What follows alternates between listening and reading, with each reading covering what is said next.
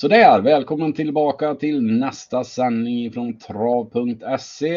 Eh, med mig har jag faktiskt eh, i vanlig ordning eh, Manfred Kåvestam och Jens. Men Manfred kör med helstängt idag. Så vi får bara en bild på honom för han gottar sig på Öland så vi hade lite tekniska problem här. Men du är med på ljud i alla fall. Det är jag. Skönt. ja, Alltså du gottar dig och åker till Öland du? Ja, vi hade en lite, hyrt en liten stuga här och ja, med mm. pool och grejer så det blir paraplydrinkar. Nej. Ja.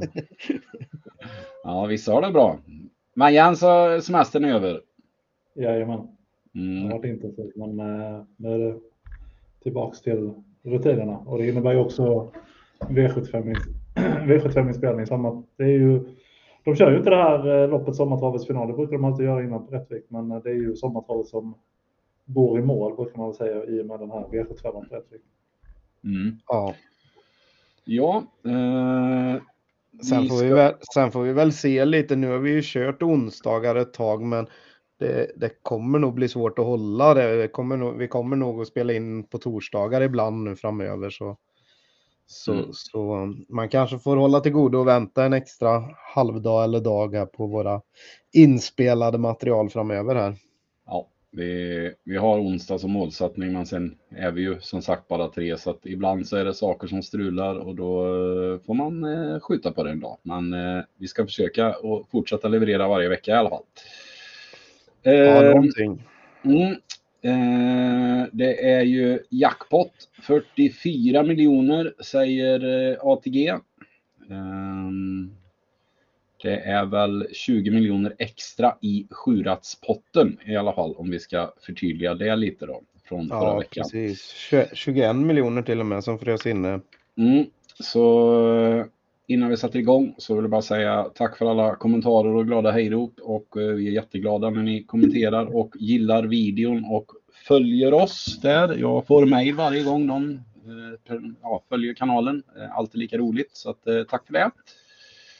Och eh, ni hittar oss ju såklart också även på Facebook under Sverige spelar och trav.se. Ja, nej, vi hoppar väl in i första avdelningen då. Och eh, här har vi då en eh, bronsdivision där eh, det är ganska så jämnt sträckat på många hästar. Men eh, klar favorit i alla fall är nummer 10, Melby Imperial och Magnus A. Djuse. Ja, och det ty tycker vi väl är lite halvtokigt. Nu är det ju rätt så tidigt så att vi får väl se, och det är ju jämnt spelat så vi får väl se vart sträckprocenten landar. Det, det ändras ju rätt så mycket när spel, när eh, typ, de stora tjänsterna kommer ut. Så att vi får väl se. Men eh, Melvin Imperial var vi väl inne på rätt så mycket i våras i lägre klasser. Då spikade vi den ett antal gånger, bland annat på Elitloppshelgen när den var knappt två år Sen dess har hästen faktiskt inte startat. Och eh, lite svårbedömt var hästen befinner sig just nu och eh, möter rätt så rejält eh, mycket tuffare motstånd den här gången, även om hästen har väldigt hög grundkapacitet. Så att Eh, Eh, den ska nog med på rätt så många hästar, men vi är inne på att den är för mycket sträckad. Ja, precis. Eh, vi ska komma ihåg att det var i, i lägsta klassen den var ute då när, när den var en följetong här i våras och eh, nu går den upp två, hela två klasser. Och det är tufft att, att vara ny i brons och speciellt då om man kommer direkt från, från lägsta klassen. Vi är väl helt inne på att nio HCs Crazy Horse ska vara första hästen i loppet och den kommer nog att stiga lite grann. Eh, den kopplade ju faktiskt grepp på, på vad heter det, eh, Rob the Bank förra veckan. Ja, och, men eh, blev utkontrad där så, så nej, det där är en häst i absolut toppform och den där starten när den ba, bara var fyra så att säga, då var man inne på att den inte alls gick lika bra med bakskor och det är ju fortsatt skolöst bak här i anmälningslistan. Så att, eh, det är absolut första hästen eftersom den tål i princip vilka upplägg som helst och nu är den ju härdad i klassen då. Eh, dock ska det väl påpekas också att den här hästen ska ju ut i ett, eh, en derbyuttagning om några veckor. Och det, är, och det är kanske också rätt så viktigt att hålla koll på vilka hästar som ska ut i derby uttagningar. Det gäller ju inte bara i detta loppet utan det finns faktiskt ett par hästar som eh, ska ut eh, och eh, ja, vara som bäst om några veckor. Det innebär ju inte att att ingen av dem vinner den här gången, men jag tycker ändå det är viktigt att tänka på. Och, och som sagt, eh, den här hästen hade ju, kändes ju som att den hade, HC Crazy George hade ju en eh, formtopp för någon månad sedan och sen kanske den var lite sämre. Så att nu var det ett klart steg framåt senast. Och den kommer nog, vara, kommer nog vara bra igen, men han aviserar ju i alla fall ett snällare upplägg denna gången. Han kommer nog inte bomba fram i döden som eh, han gjorde sist med eh, derbyuttagningarna i, eh, i, i åtanke. Så att, eh, ja, eh, jag tycker också att den första häst, men jag tycker inte det är spikbud den här gången. Nej, och pratar vi om sådana hästar så ska vi leta bland, som ska ut i årgångslopp så ska vi leta efter eh, fyra och fem eller fyra och treåringar och här har vi en fyraåring till som är hårt betrodd i sex Greensboro set. Och där var man ju helt inne på att den var eh, kraftigt överspelad i eh, Prix Ridley Express, det där loppet med 600 000 och då blev det ju mycket riktigt galopp. Eh, eh, då mötte den ju alldeles för tufft motstånd och nu Mm, och så var den ute i en final efter det då va, eh, även mm. den i, i vad heter det, en klass 1-final. Så den här går ju också upp en klass.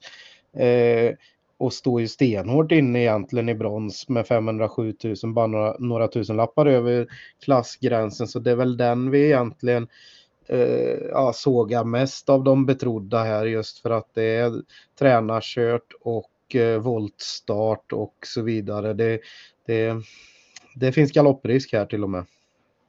Ja, man, man, man ja, måste ändå säga att det, man måste säga att det är ett jätteminus också att eh, eh kurs, äh, tränaren, tränaren kör, det måste man, måste, måste man ändå säga även om Redén har kört en del, men det är ju mycket mindre sammanhang. Det var faktiskt väldigt, väldigt länge sedan han var han, han ens deltog i ett lopp som eh, eh med eh, så att säga sexsiffriga ehm, prissummor. Så att, eh, ja, eh, och han har väl varit lite konfunderad också att hästen har varit lite, lite märklig och presterat ojämnt och som sagt nu när, nu när den ska ut i, i derbykval, jag tror det var därför också han ville köra den, för att han ville, liksom, han ville, han ville känna på den hur det kändes, kändes i, eh, i lopp och har absolut inga hö, höga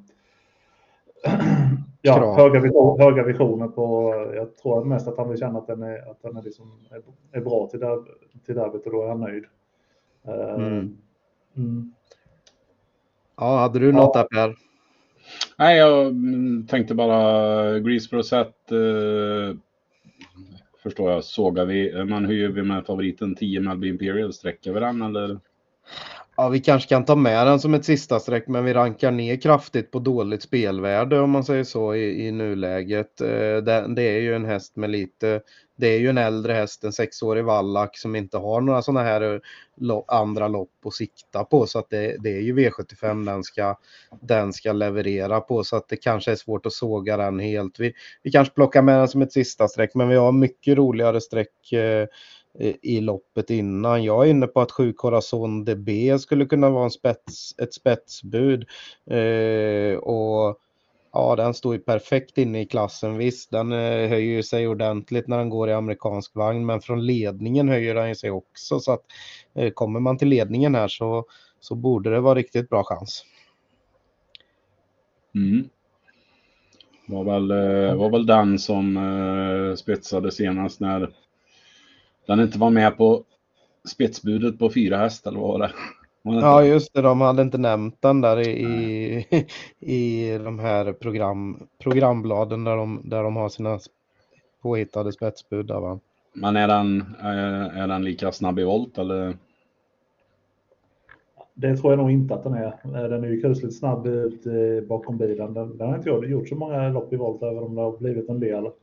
Eh, hade ju faktiskt springspår på eh, V75 på Jägersro i våras. Då blev det galopp, men stallet aviserar ju att den, då var den inte i ordning. Så att, eh, det kanske man ska ta, ta så hårt på, men däremot så tror jag absolut inte att den är lika snabb ut med volt och lite svårbedömt också nu när det är en så pass ovan kusk på den. Det är, det är Viktor Roslev upp den här gången och det känns ju, ja, det var lite märkligt när jag såg vem som skulle köra det ja, han brukar inte köra på Lennartssons hästar direkt, men ja. Eh, Ja, svårbedömt Nej, jag, jag, jag, jag, jag tror att många kommer stirra sig blinda på det att det blev galopp sist han var ute i voltstart på, på V75 just. Men om man kollar tillbaks i historiken så har han ju gått iväg i princip alla gånger i voltstart tidigare och till och med kommit iväg hyggligt snabbt från spår 4 och sånt där. Så att, eh, helt, och, och just med, start, med de här springspåren, om man prickar därifrån så,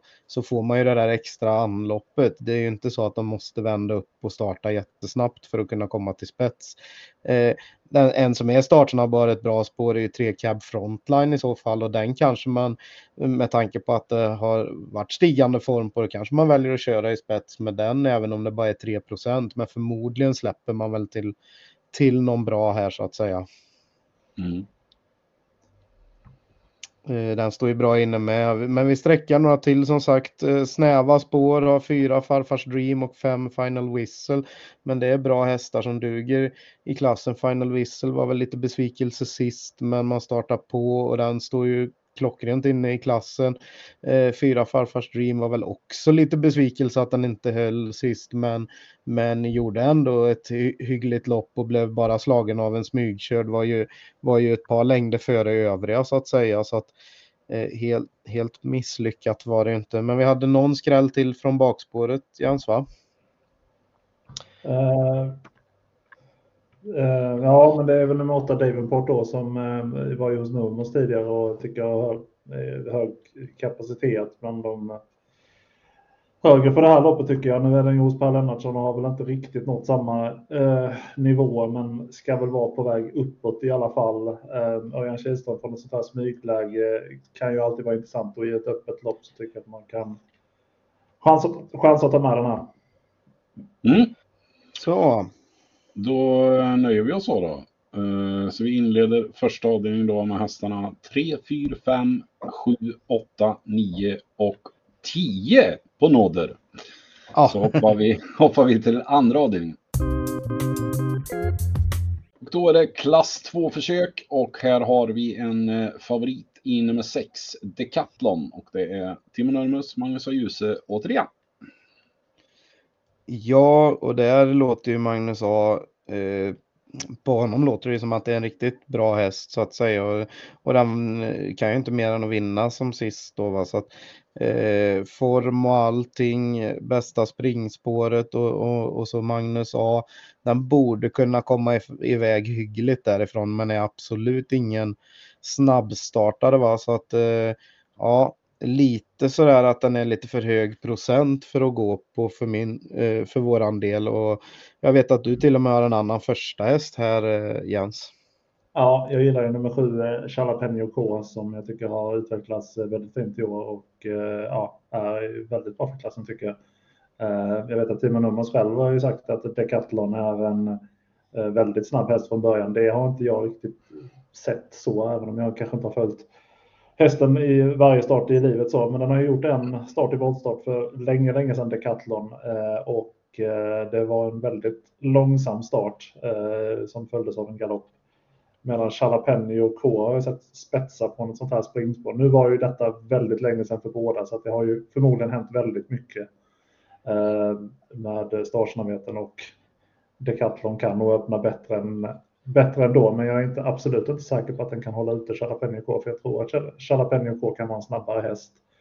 Eh, och jag tror också att de, det kommer jämnas ut lite på sträckan, för jag tror ändå att tidiga spelen, det blir väldigt mycket det här Magnus har på Timo Nurmos med, ja, med en häst som har vunnit mycket så. så att, eh, ja, och jag har ju varit inne tidigare på att jag tycker faktiskt att Timo Nurmos, just när han har favorit i, i de lägre klasserna, jag tycker de bränner ganska så ofta faktiskt när de är stora favoriter. Så att, eh, och den här har ju faktiskt bara ett par lopp i kroppen efter väldigt lång vila.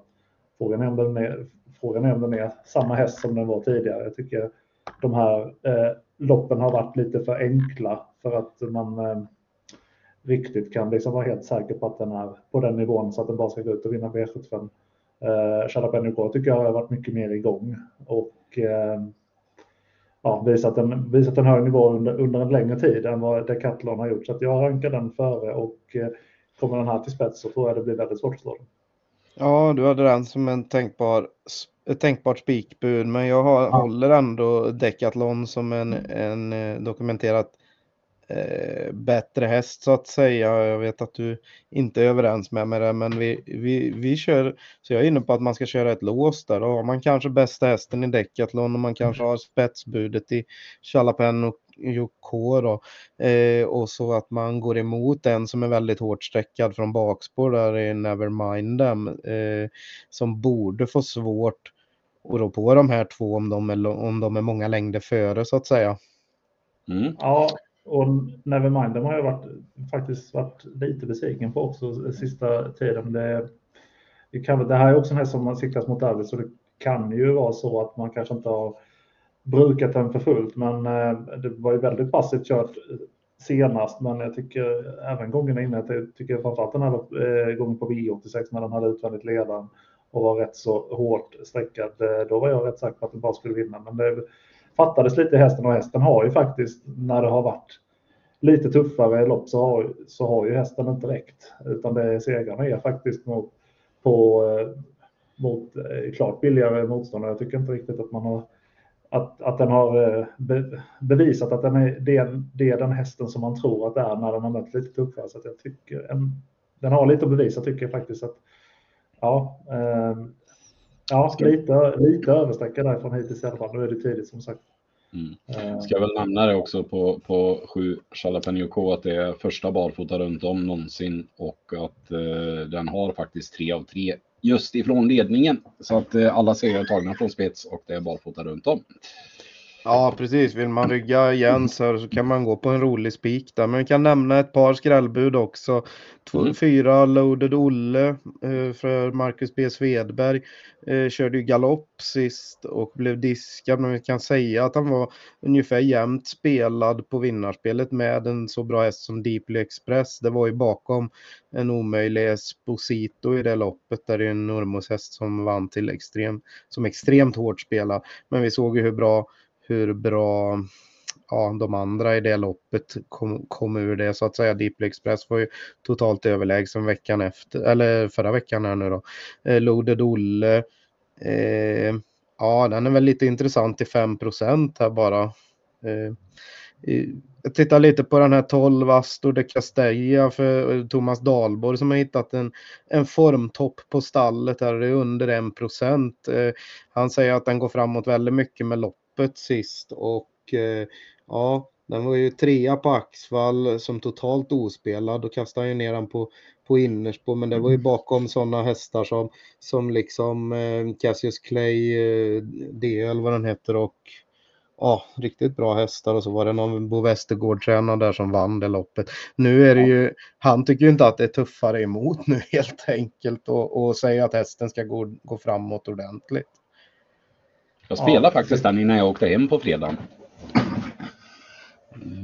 Ja, det, blir, det, blir, det blir norskt huvudlag nu. Det har han inte tävlat med på jättelänge, säger han. Så att, eh, ja.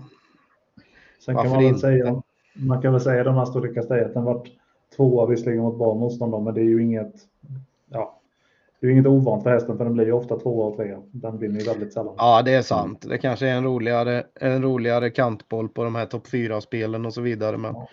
Eh, ja, det kan vara ett, eh, vi lägger den i empty read-kategorin kanske. ja, precis. Ax, Axvalla hästar som gärna blir 4-5. 3-4. Ja. Nej, men, ja. det... Är det någon annan eh, som vi vill nämna innan vi går vidare? Jag tänker på... Ja. Men det finns ju åt, åtta Engard som jag tycker ändå eh, har gjort, har gjort eh, rätt så bra lopp mot eh, rätt så bra hästar. Den har ju varit ute mycket i de här eh, lång, långloppen eh, med, där den har stött på tuffare, tuffare gäng helt enkelt. Den vinner väl inte heller på beställning, men nu är det ju hemmaplan. Ändå kraftigt förstärkt med Mats Djuse denna gången. Intressant springspår. Det kan vara en skall. Mm. Men vi eh, spikar in låset där då på 6 Decathlon och 7 Jalapeno K. Så går vi till tredje avdelningen. Och då är vi framme i veckans gulddivision och här har vi en favorit i nummer 4 Clickbait och Magnus A. Djuse igen. Ja, det är ju ett rejält kuskplus får vi väl säga och sen sparade man ju bakhovarna sist och nu blir det barfota runt om och spetsläge från, från perfekt utgångsläge så att det blir väl spets och slut här men eh, eh, ja, eh, det beror lite på vart sträcken hamnar men i nuläget så tycker vi att det är en vettig spik till under 40 procent. Men skulle, det, det, hänger ju som sagt som vi pratade om där, var, vartåt trendar det under, under, under fredagen liksom. Ligger den lite högt så kanske många kommer att gå på en häst som ett Best of Dream Trio och hoppas att den ska hålla upp eller någonting. Och, eller så går många på på, på eh, Daniel Redéns fina stallform och sträckar eh, och lägger sex Mr Hercules tidigt liksom. Så att ja, vi får se lite vartåt sträcken barkar här. Mm.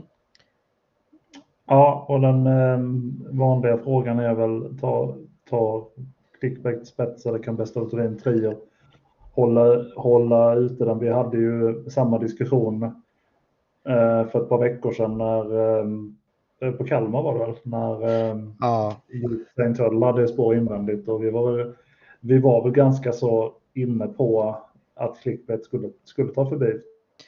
Ja, när det är så här spår 4, spår 5. När den har spår så att säga, då är, då är ja. den, har sån, den har sån väldig acceleration in mot, in mot kurvan. Så att det, även om kanske någon häst är snabbare första stegen så är det väldigt svårt att hålla, hålla ute den. Eh, och jag tycker väl på något sätt att det blir lite det är, lite, det är lite märkligt, för jag tycker väldigt många underskattar det fortfarande, trots att vi har sett det gång på gång. Eh, och där var det ju väldigt, väldigt många som eh, hade ju St. som given spetsfavorit, eh, vilket vi tyckte var lite märkligt. Ja, det var det.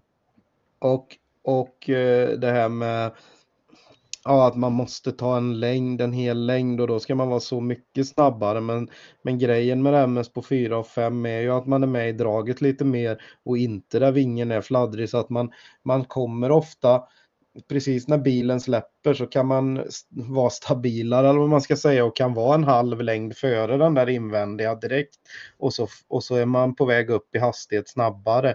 Eh, ja, så att jag förordar ju alltid de där spåren om de, om de nu är jämnsnabba. Sen är det skillnad om det är sådär om det är våldsamt snabba hästar från innerspår, ja då är det klart att det är svårt att ta en längd på dem. Och Best of Dream Trio är ju en sån där som kan lägga iväg rätt bra ibland, men inte alltid heller. Eh, och, och nej, clickbait. Om, om man i princip alltid har den som spetsbud från spår 4 och spår 5 så kommer man ha rätt väldigt många gånger. Mm. Ska säga det också att eh, Clickbait, eh, sa ju det, kollade det innan där, han har gjort 77 starter i livet och aldrig galopperat. Ja, det är häftigt. Det, det är rätt sjukt. Ja, men den har ändå varit nära, säger Per Lennartsson några gånger. Att den höll på att snubbla till och sånt där. Att han inte kunde köra för fullt precis direkt. Han sagt ett par gånger precis så här första 50. Men den accelererar oerhört snabbt sen efter en 75-100 meter och, och in mot svängen. Då kan den bara Mm. Eh, det kan se jämnt ut första 50, 75, nästan 100 metrarna mellan den och någon invändig. Och så har han en bara växel till mm. rätt in i svängen och så ändå gå så fort in i, sväng, i första svängen gång efter annan och aldrig rulla över i galopp. Det är helt otroligt egentligen. Mm. Och ja, nästintill nästan till unikt. ja, lite, lite det jag också var inne på. att eh, det, är, alltså, det kanske finns hästar som typ aldrig galopperar inom stationstecken. Men, eh, men just en sån här häst med som har laddats mot tät så många gånger borde ju ha rullat över någon gång. Ja, det kan man ju absolut tycka. Eller till, borde ju nästan blivit påkörd någon gång. Ja, jag med. Också. Men, men det är det att den har framfötterna längst fram så det är, det, det är den, den får sällan några hjul på fötterna. Vi om tre Global Badman då? Ja, den, den kan ju öppna också mm. och den kanske till och med kan öppna snabbare än Best of Dream Trio. Den, men den är lite ojämnt startsnabb. Mm. Ja, jag tycker nästan det är värsta, värsta emot faktiskt. För jag tycker det har varit en höjning, höjning på barfota runt om som den blir nu igen. Jag tycker den radar upp fina prestationer på eh, den balansen. Eh, och som sagt, vi är väl inne på att Best of Dream Trio kan hamna i kan hamna i maskinen i och med att eh, vi tror väl att clickbait tar sig förbi den och då är den illa ute. Mr Hercules var väl bara sådär sist. Ehm, vi var väl inne på, man trodde väl efter Gävle då när den var så väldigt bra och fixade den här Elitloppsplatsen att jag tycker väl att förra året var, var, man, lite, var man ganska besviken på den. Att den, den var inte som den var innan, men man fick ju upp lite tankar att den, nu var den på väg tillbaka, men ja, sen tog ju det där loppet också väldigt, väldigt hårt på den, för det var ett stenhårt lopp det, det gick för att Eh, få Elitloppsplatsen och sen ett Elitlopp på det. Så att, ja, efter att ha sett sen, senast, senaste starterna så är jag inte övertygad om att den, den är eh, där den behöver vara för att eh, vinna ett sånt här lopp. Eh, även om Redéns eh, stallform är jättebra just nu så jag är inne på att den hästens form inte är på topp och ja, översträcka tycker jag faktiskt. Mm. Ja, absolut på tidigare och därför, det är ju som sagt, där får vi se lite hur det trendar. Och apropå den här Global Badman, det har ju också varit diskussioner om hur, huruvida startsnabb den är, men i maj, där 13 maj, så, så hade den ju inga problem som helst att hålla ut en laddande Brambling när Brambling hade spår 4 och Global Badman hade eh, spår 3 då som nu. Eh, den var ju mycket snabbare ut än Brambling och Eh, ledde det loppet runt om. Va? Eh, på Umeåk 13 eh, i femte. Ja. Eh, nej, så att jag tycker också att Global Badman är klart intressantast emot. Eh, men du hade en riktig rysare här Per va? ja, det är väl kanske inget vinstbud, men jag, det är nio Barbro Kronos. Eh, jag tycker både Intiboko tyckte jag också var bra sist som fyra där bakom de tre som höjde sig lite i det loppet. Eh, men eh, nej, jag vet inte jag har varit lite tveksam till den här Barbo Kronos. Eh, jag tycker han ofta har varit överskattad i de här årgångsloppen som han har varit ute i. Men nu tycker jag att han var riktigt bra sist. Så att, han gick riktigt fort på Axvalla. Så jag, eh, har den lite flyt med Best Dream Trio då, om den kommer iväg och han kan rygga den där kanske han kan få tredje invändigt eller någonting och lucka och då vet man inte. Kan vara tänkbar om man vill gardera i alla fall till 1,48 procent. Ja, absolut. Och som du sa, där 10 in till bok och varnade vi för som ett skrällbud där på Hagmyren mot, mot riktigt tufft motstånd och den gick ju bra bakom de, bakom de tre bästa där så att eh, eh återigen en jättefin insats. Så att den har ju två bra lopp i rad där från dåliga lägen och så dåligt läge igen där. Men eh, Ja, det är verkligen ett tänkbart skrällbud. Den har ju, den har ju då de här startsnabba ryggarna i 3 och 4. Så den skulle ju kom, kunna komma igenom och hamna någonstans andra ytter eller någonting. Mm. Men vi eh, hamrar in spiken på fyra clickbait och så hoppar vi till fjärde avdelningen.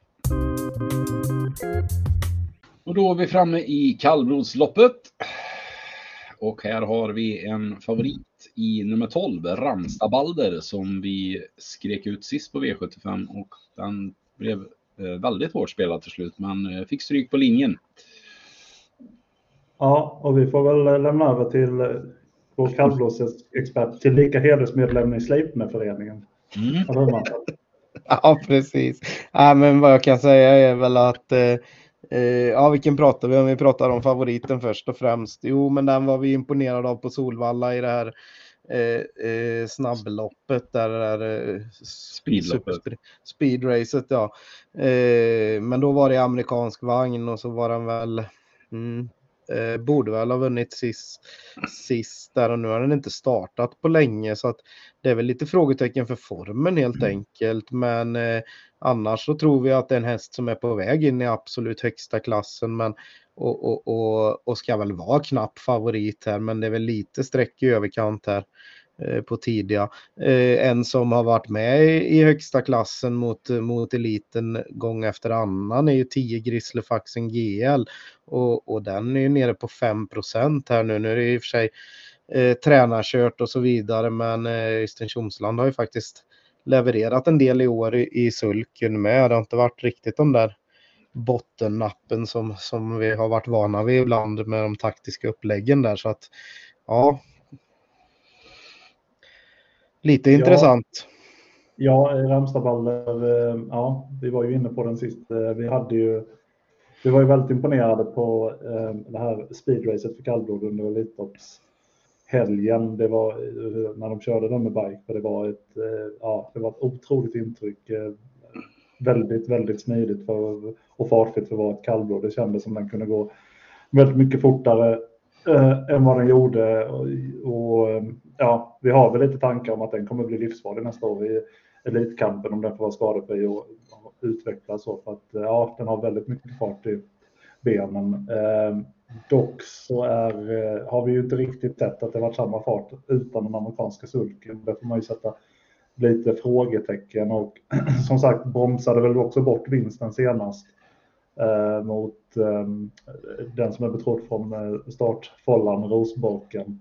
Eh, dock så skulle jag inte ta så allvarligt på den här pausen för den här hästen brukar faktiskt prestera rätt så bra när den kommer tillbaka eh, efter lite uppehåll. Men eh, ja, lite tveksam till om den bara går ut och vinner. Det är ändå, trots allt så är det ändå ehm, eh, det är ändå tillägg på kort distans och det finns ändå några som är rätt så bra där framme så att jag skulle nog ändå rekommendera en rätt, relativt bred gardering. Mm. Ja, precis. Och då är vi inne på att sju Kingesvarten är det gott snack kring då, va? som är en eh, norsk häst som kommer hit och eh, ska ha bra spetschans från springspåret här. Och ja, den står ju ruggigt bra inne i propositionen med över 900 000 på kontot här och var bra på Årgäng sist och, uh, i ett lopp där vi, på, vi såg på plats där va. Och sen uh, ja. Eh, nej, men i spets så kanske det blir svårt att plocka ner den helt enkelt så att till bara 13 procent. Men där är vi väl inne på att folk kommer få upp ögonen för det och den, den borde stiga ordentligt på sträcken.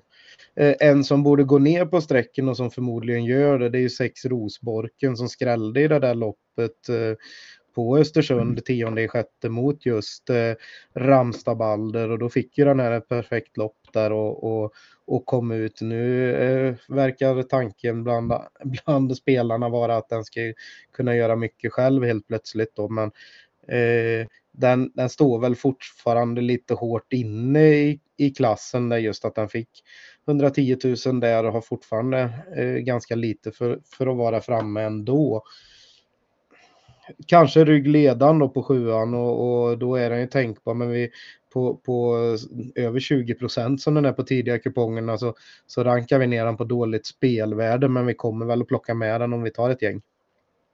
Mm. Det, blir, det, blir väl ofta, det blir väl också så med tidigare systemen att man, det är kallblod och det är Ulf Olsson och det är springspår. Det, det ger väldigt mycket procent bara, bara på det. Um, men eh, jag är håller också med att den är sårbar och dessutom så tror jag som du att Kingesvarten kommer stiga rätt så rejält i procent för att det har varit väldigt optimistiskt snack från tränaren. Eh, och sånt brukar ju ha en tendens att göra att procenten stiger så att eh, den, den skulle nog, jag tror faktiskt att den blir favorit. Jag tror den blir favorit faktiskt. Det tror jag med på, på, runt 20, på runt 20 procent och sen kommer det vara rätt så jämnt bakom på några runt 16-17 eh, procent kanske.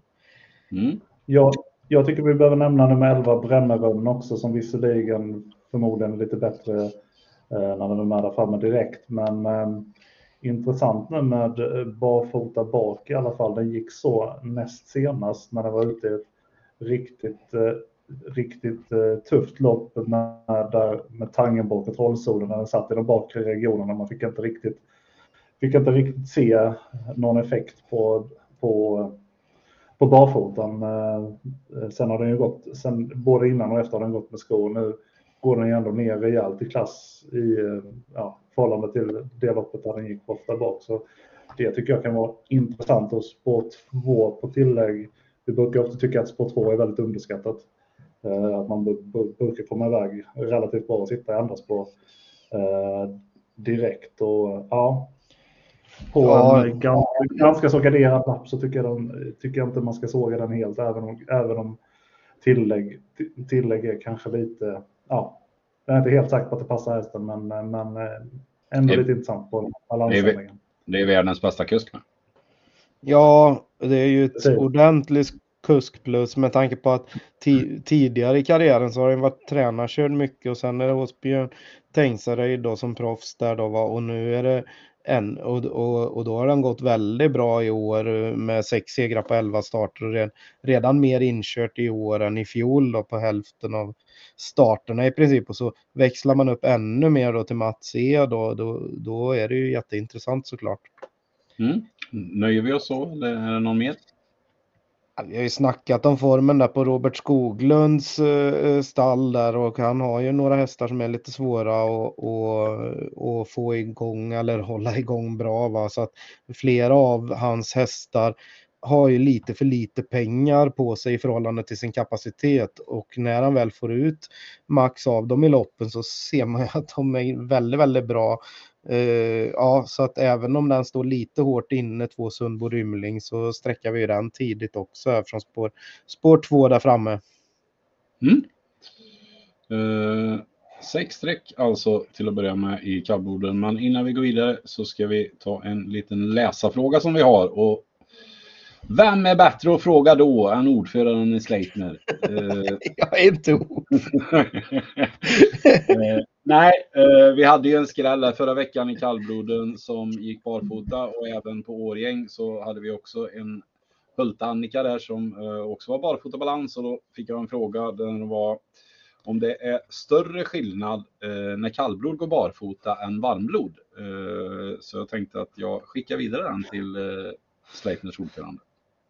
Eh, nej. Nej. nej, nej, allt. ja, precis.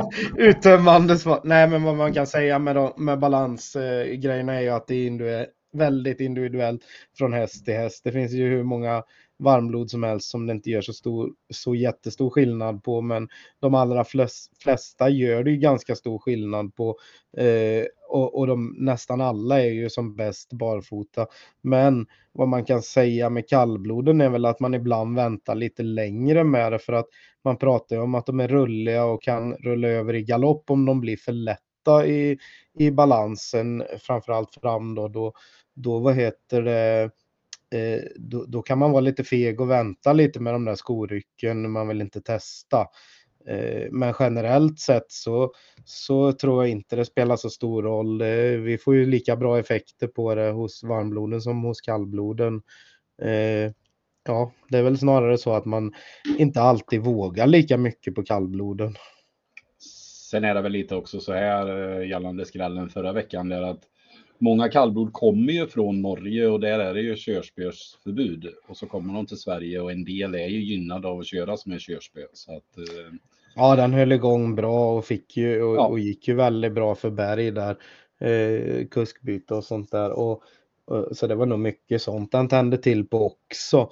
Eh, samma med Hulta Annika om vi tar upp den. Det, den var ju dokumenterat att den är, är bättre på barfota fram och när det blev då maxat med det tillsammans med goda träningsrapporter så, så, så vågade ju kusken köra väldigt offensivt där och, och mm. ja, fick loppet, rätt, hittade rätt ryggar så att säga.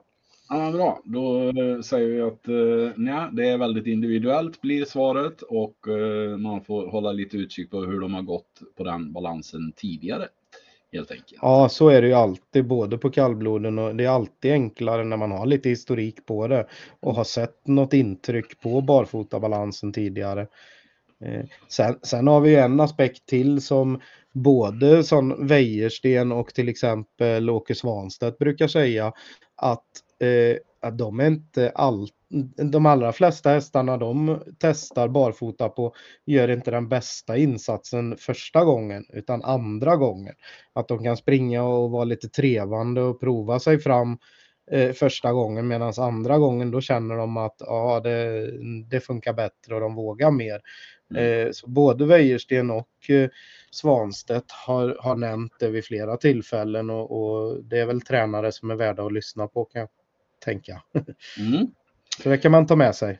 Ja, vi sträcker i alla fall hästarna 2, 6, 7, 10, 11, 12 och så hoppar vi till femte avdelningen. Och då är det ett diamantstorförsök Och här har vi omgångens största favorit eh, i nummer 6, Southwind Boko och Andreas Lövdahl. Perfekt utgångsläge och alltihop och grejen med den här spårtrappan är att den har 540 000 har ett perfekt sjätte spår medan de som då står bakspår har runt 600 och 550 000 liksom. Så att eh, den står ju ruggigt bra inne i spårtrappan för att, att ha så fint eh, utgångsläge och det är bara att köra framåt och den här är nog totalt överlägsen i den här klassen. Den har ju radat upp segrar här så att det är väl bara galopp emot helt enkelt. Mm. Det är ja. ju ett eh ett lärlingslopp och den har ju en duglig lärling i, i vagnen också. Mm, han får ut proffslicensen i nästa vecka tror jag. Så att det, mm. det, här kan bli hans, det här blir nog hans sista lopp som, eh, som lärling om man säger så. Sen, har han, sen blir han A-tränare eh, på måndag tror jag. Mm. Mm. Ja, så han, är, och han känns det, överkvalificerad. Mm. Dessutom så kan man ju säga, man säger då att hästen, jag har en spårtrapp att det står väldigt bra inne på pengarna, men den har ju tjänat alldeles för lite också. Så att den står ju, det står ju faktiskt ännu bättre inne ja. i loppet på ren, ren affärkapacitet. Ja, så är det ju helt klart. Mm. Ska vi eh, bara banka in och gå vidare eller vill ni nämna några motbud? Ja, jag nämner gärna två, två hästar. Jag tror också att Salzburg Boko är en kanonspik, men eh, fyra Global Boost har jag ju följt ganska så länge när den har gått eh, barfota runt om. Jag tyckte den höj, har höjt sig eh, och det har den gjort nu också. Men nu blir det också amerikansk eh, sulky och det följde jag faktiskt på eh, den på förra året rätt så många gånger i, i de här eh, i lite bättre stol, storlopp. Eh, jag tror att det kan bli en eh, väldig förbättring nu. Eh, nu visade den sist på Axevalla att formen börjar sitta där igen. Den hade faktiskt en formtopp den här perioden förra året också så att den verkar gå bra på årstiden så att säga. Eh, och eh, Jenny A. Eh, Jenny A. Björk kör och hon vann ju faktiskt ett eh, lärlingshopp på Axevalla nu eh, för inte så lite sedan. Hon har, har, ju inte så bra siffror nu just i år, men eh, kanske, kanske så att formen där börjar komma igång också.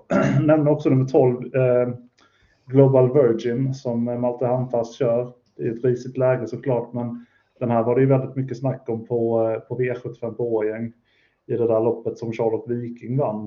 Eh, där man hade laddat maximalt för den där, för den där uppgiften eh, och gången innan. Då gick det ju barfota med jänkarvagn ett ganska så bra lopp på Solvalla och gick en rejäl repa och höll farten väldigt bra. Eh, nu är ju spår 12 alltid spår 12 men den kommer också bli väldigt bortglömd på grund av spår, spår 12 och kanske också att den inte levererade en, en riktig toppinsats där på Årjäng, då hade det varit lite mer streck på den här. Så att eh, ja, ska man gardera så tycker jag man ska glömma den nummer 12, Global Virgin.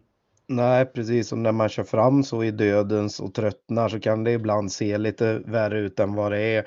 Det är inte ovanligt att hästarna ger upp lite grann när de ser att de inte rår på eh, dem och så kommer andra snabbt ut i banan. Så att det kan vara bara att de surar ur lite grann och, och så vidare.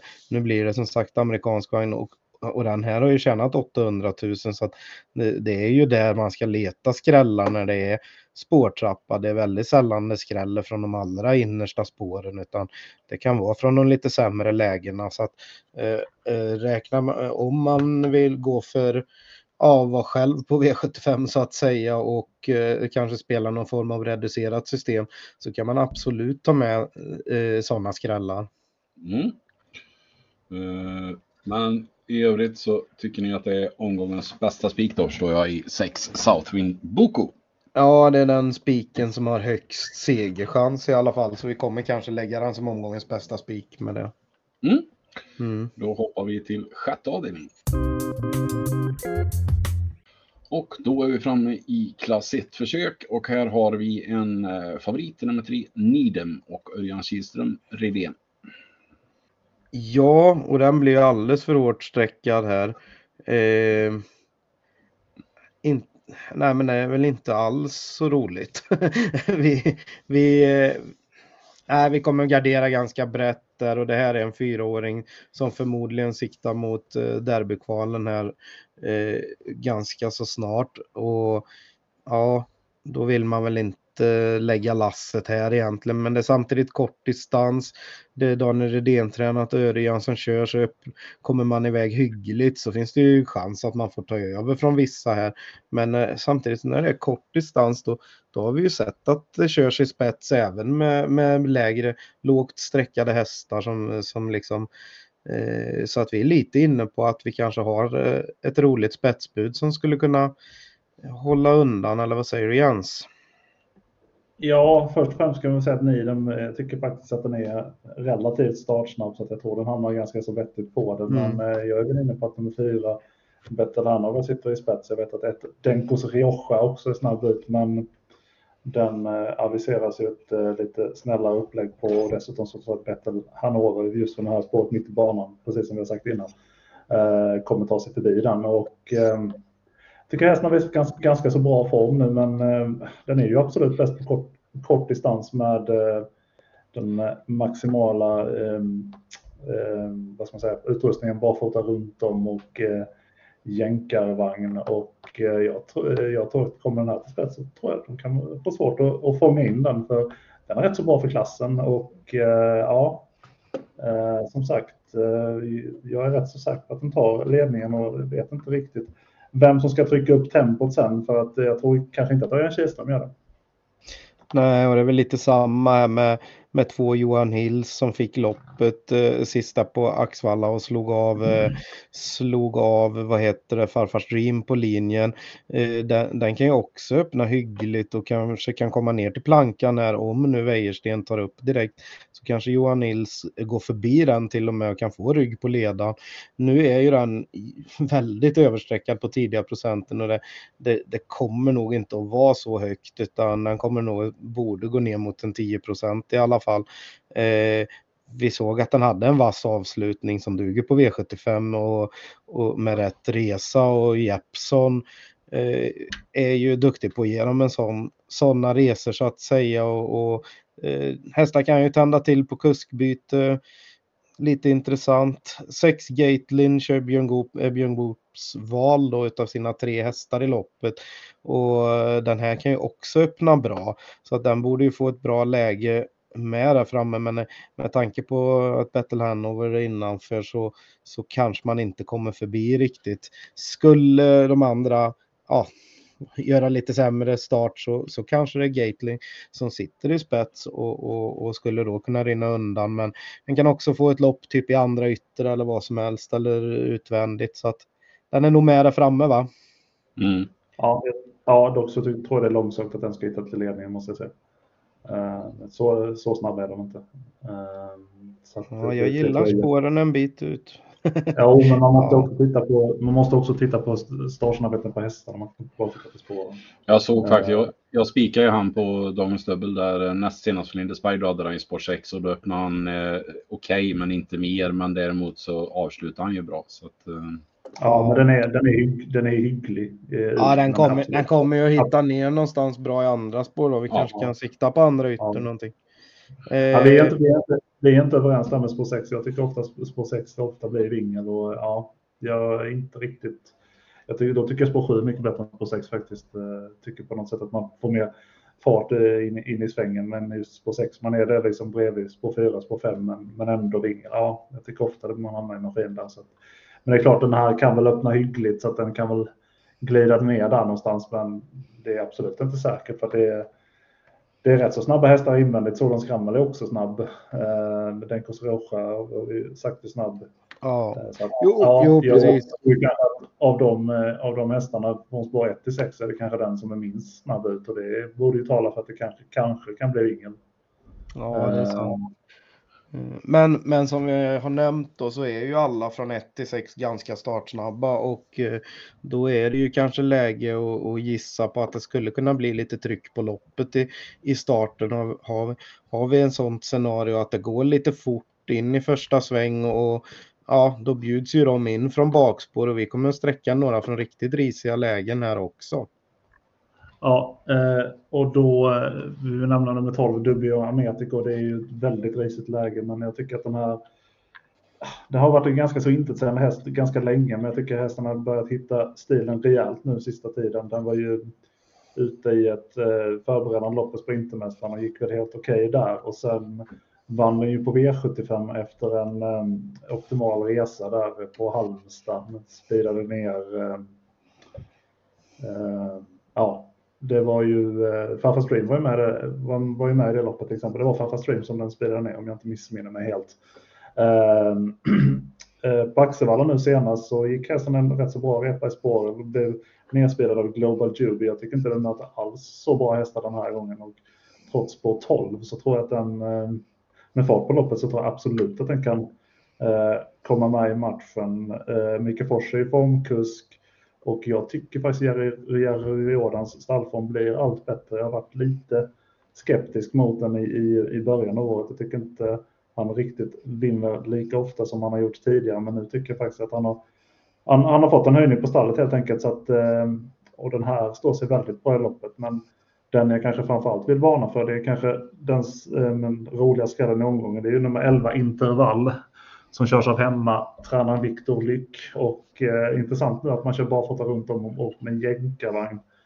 Barfota runt om har den faktiskt inte gått så, så pass många gånger, men den har gått i väldigt, väldigt tuffa lopp, bland annat i ut, både uttagning och final i eh, E3 förra året och dessutom i eh, uttagning till kriteriet där hästen var fyra från ett omöjligt läge och gick ganska, gick ganska bra mot väldigt tuffa hästar. Det var ju Ante Rock och Monastery Boko som gick till final där och hade betydligt bättre läge än intervall. Så den tror jag blev helt eh, tappad på sträcken. Och, ja, jag tycker den är väldigt, väldigt rolig. Sen kanske inte jättehög vinstchans, men eh, i en jackpot-omgång så väljer jag att varna för denna. Japp, och vi tar även med från bricka 9, Kendall Jackson, det är Magnus A. Djuse som kör åt Timo Nurmo. Så den här låter ju Magnus A väldigt uppåt på. Hade han kört mer offensivt sist så hade han bara vunnit loppet sa han, han hade något läge att gå ut i dödens. Eh, eh, han, eh, när han valde att sitta fast, eller blev fast sen då han chansade lite. Eh, med det snacket och, och, och liksom eh, ja, så jag är inne på att han kommer köra offensivt där och där.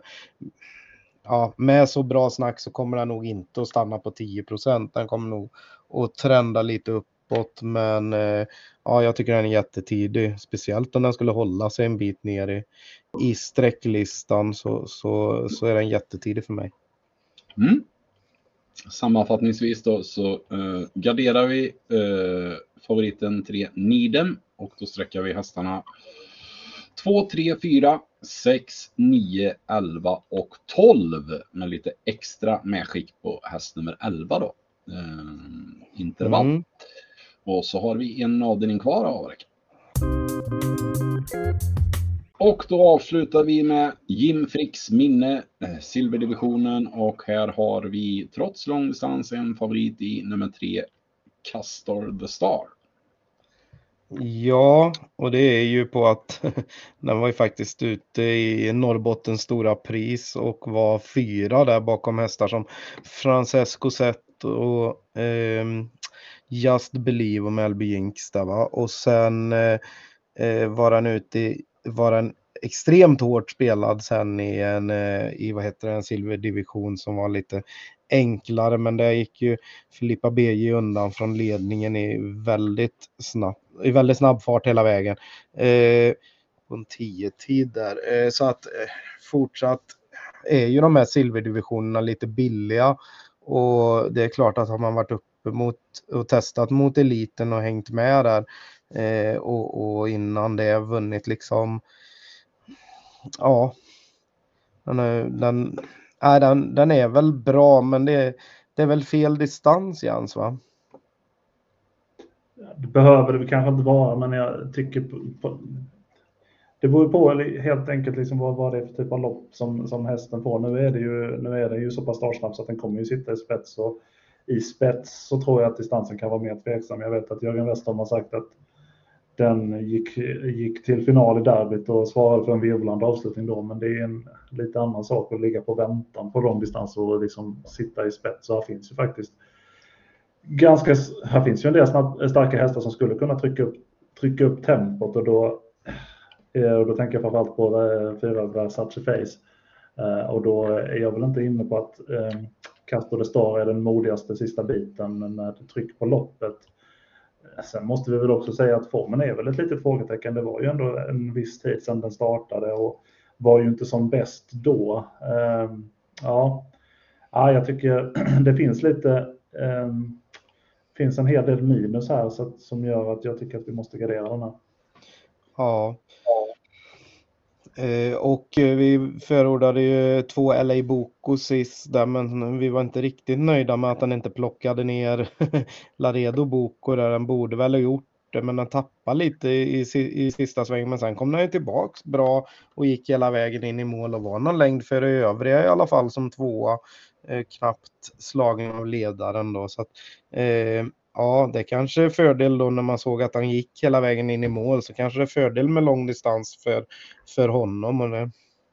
samtidigt, samtidigt så har de ju aldrig vunnit på lång distans så jag är väl lite tveksam om det verkligen är en fördel. Den, den har ju också gått till final i, i, i derbyt så att det borde väl inte vara något jätteminus men jag är heller inte säker på att det, på att eh, det är något plus. Den är ju väldigt, vi har ju sett det innan att den är ju väldigt trög i loppen Um, mm. Så att ja, jag tycker den är... Jag vet att Wäjersten var nöjd och tyckte att det var en riktigt bra insats. Men, ja, och det var det väl egentligen, men man lurar sig lite grann på det där att man tycker att den... Att den borde ja, gått förbi, den ja. Den tappade närkontakten till, till ledaren så, men, men sen får man ju också acceptera att det är ju så den hästen är. Så att egentligen så var det väl en bra insats även om man inte kände det då. Um, men det innebär ju, just den egenheten som hästen har innebär ju också att den är lite svår att få till sig. Ja, men här kanske han kan få loppet lite grann när det är andra spår och låta någon annan göra jobbet i dödens. Då var det ju ett litet fält och det var inget val liksom. Eh, nu kanske han kan välja upplägg lite mer och då kanske han går hela vägen in. Eh, vad har vi mer då? Åtta Parkview kan väl öppna väldigt snabbt va? och Kim Eriksson med Erik Killing mot tränat. Där kanske man laddar lite eftersom det inte är så många startsnabba emellan här. Eh, sen kommer man väl inte till spets, men man kanske är intresserad av att komma ner i rygg på leda. Det kan ju göra att favoriten Castor de Star får en liten tryckare ändå om det blir någon som kastar iväg sådär. Ganska tveksam till det faktiskt, men eh, det, det finns, väl, finns väl möjlighet till det. Eh, en som jag tycker överstreckad är nummer fyra, Versace Face. Nu har vi pratat om Redén Kihlströms eh, form som är alldeles, alldeles formidabel just nu. Men, men den här eh, är ju en långloppsspecialist, men jag, vill, jag menar ju oftast att det är en stor skillnad på att vara ute i de här Steijerloppen och vara ute i klasslopp på V75 på lång distans. Och den här har, har alltid haft svårt att, eh, att räcka till på V75 på de lite, eh, alltså på i rena, i rena klasslopp. Jag vet inte ens om om den har en seger på V75 just i, eh, just i alltså på rikstoton. Eh, jag tycker att den har, just, den har haft svårt att hänga med tycker jag, framförallt på sommaren. Så tror jag sätter väldigt stora frågetecken till om, om den kan räcka här. Dessutom så brukar det bli tuff, tuffa uppgifter för den, här, för den här hästen och det är väl den, den hästen i loppet som kan trycka upp tempot och det kommer den kanske göra men det innebär ju också att det blir den kan ju bli chansen är ju rätt så stor att den blir nedspelad så den tror jag faktiskt väldigt lite på och eh, ser den som klart överstreckad just nu. Jag vet inte vad du tycker om den, men jag tycker den är överstreckad. Ja, den har vunnit på V75, den vann typ en bronsdivision för ett år sedan ungefär va? och då eh, som favorit, men då fick den väl loppet lite grann va? Ja, precis. Satt bra till och avslutade och vann, vann knappt han är ändå väldigt påpassad varje gång nästan vad han än möter kan man säga. Så att eh, den vinner inte så ofta så att eh, 16 procent känns ju ganska mycket överkant i alla fall om man jämför med en annan som vi tyckte var intressant där i 6 Amalensius BB som är säkert på under 10 procent just nu.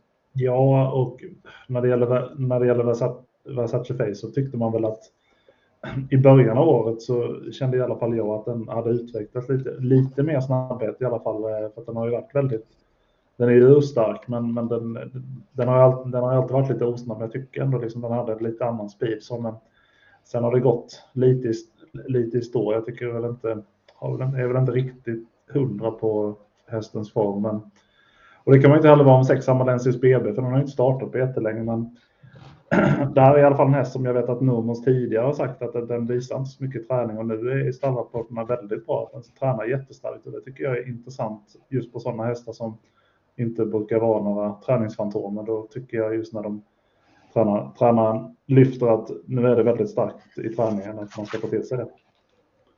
Ja, absolut. Den här, skulle, den här skulle kunna vara väldigt mycket mer sträckad för det är ju nog hästen i loppet om man ser till ren kapacitet. Ja, det är ju det att den gör eh, årsdebut nu, men han säger att den har tränat på bra en längre tid och i vintras så fick den någon form av eh, simträning och sånt där så att det har varit lite omlagd träning på den och den har väl varit startklar ett tag här eh, vad det, vad det låter som. Eh, så att det är väl jätteintressant eh, till, som singelprocentare i nuläget, men eh, ja. Och Mika Fors som formkusk, där har vi pratat om tidigare. Eh, vi, vi sträcker ett par från bakspår här som vi tycker är intressanta med. Eh, där 10 eh, One Kind of Art var lite eh, snack om sist och, och, många hade den som sitt skrällbud där i det lite mindre startfältet. Men nu är den totalt bortglömd här på under 3% på de tidiga, tidiga sträckorna och den borde väl gå framåt med ytterligare ett lopp i kroppen och den, den, den var ju faktiskt ganska bra bakom bakom Laredo Boko och LA Boko där va? Ja, den kördes ju, den kördes ju extremt passivt också. Så att, eh, ja. Eh, ja, det tror jag i alla fall. Jag tycker det är konstigt att, eh, att det skiljer så pass mycket. Jag vill bara nämna en till sak med sexan Malensius BB när vi säger det här att det är årsdebut och så. Jag, jag vet inte vad du tycker Manfred, men jag tycker oftast att den här hästen nästan är bäst, bäst direkt. Alltså blir, nästan blir sämre ju, ju, ju längre den startar. Så att jag tror ja. man, får, man får vissa, vissa hästar är ju sådana att de, de är bra direkt och en del behöver ett par lopp i kroppen. Men jag har inte känslan att den här brukar behöva så hemskt mycket lopp i kroppen. Utan jag tror att den kommer vara bra direkt.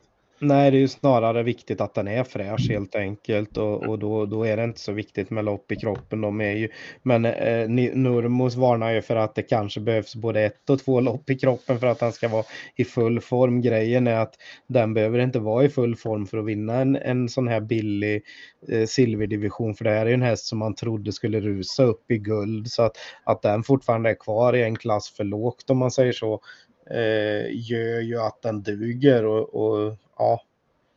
Nej, absolut. Och när det är lång distans med så är det heller, det, det är också en grej.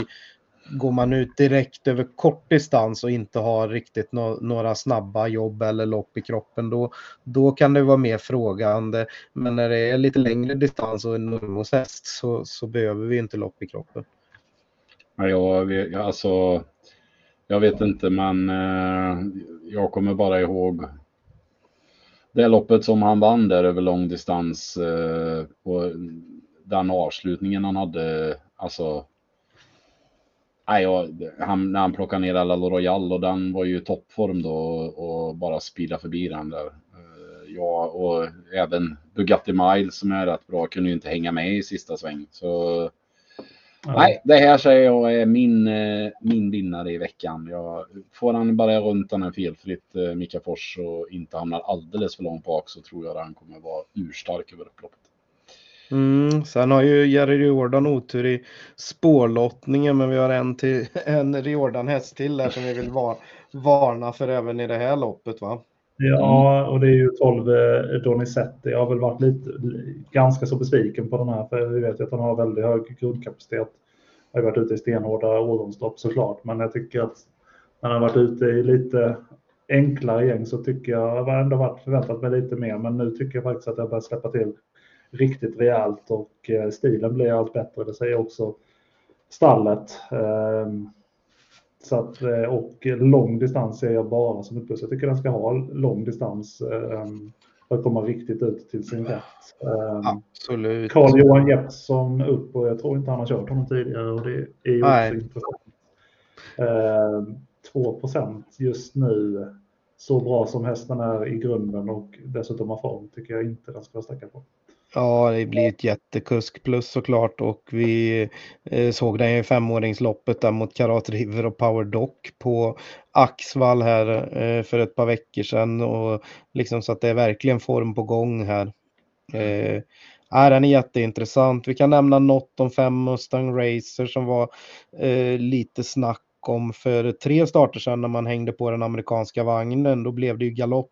Sen har den varit lite bortglömd då på, på eh, starten efter. Men, och sen på Skellefteå var det aviserat amerikansk vagn tidigt, men då, då drog man tillbaka det. Och ja, nu är det ett perfekt utgångsläge. Man sparade framhovarna sist, nu är det barfota runt om. Skulle det bli något snack här framåt, eh, framåt fredag att Berg kanske vill slänga på någon vagn så kan man väl hålla lite utkik efter det för det är under 2% på den nu.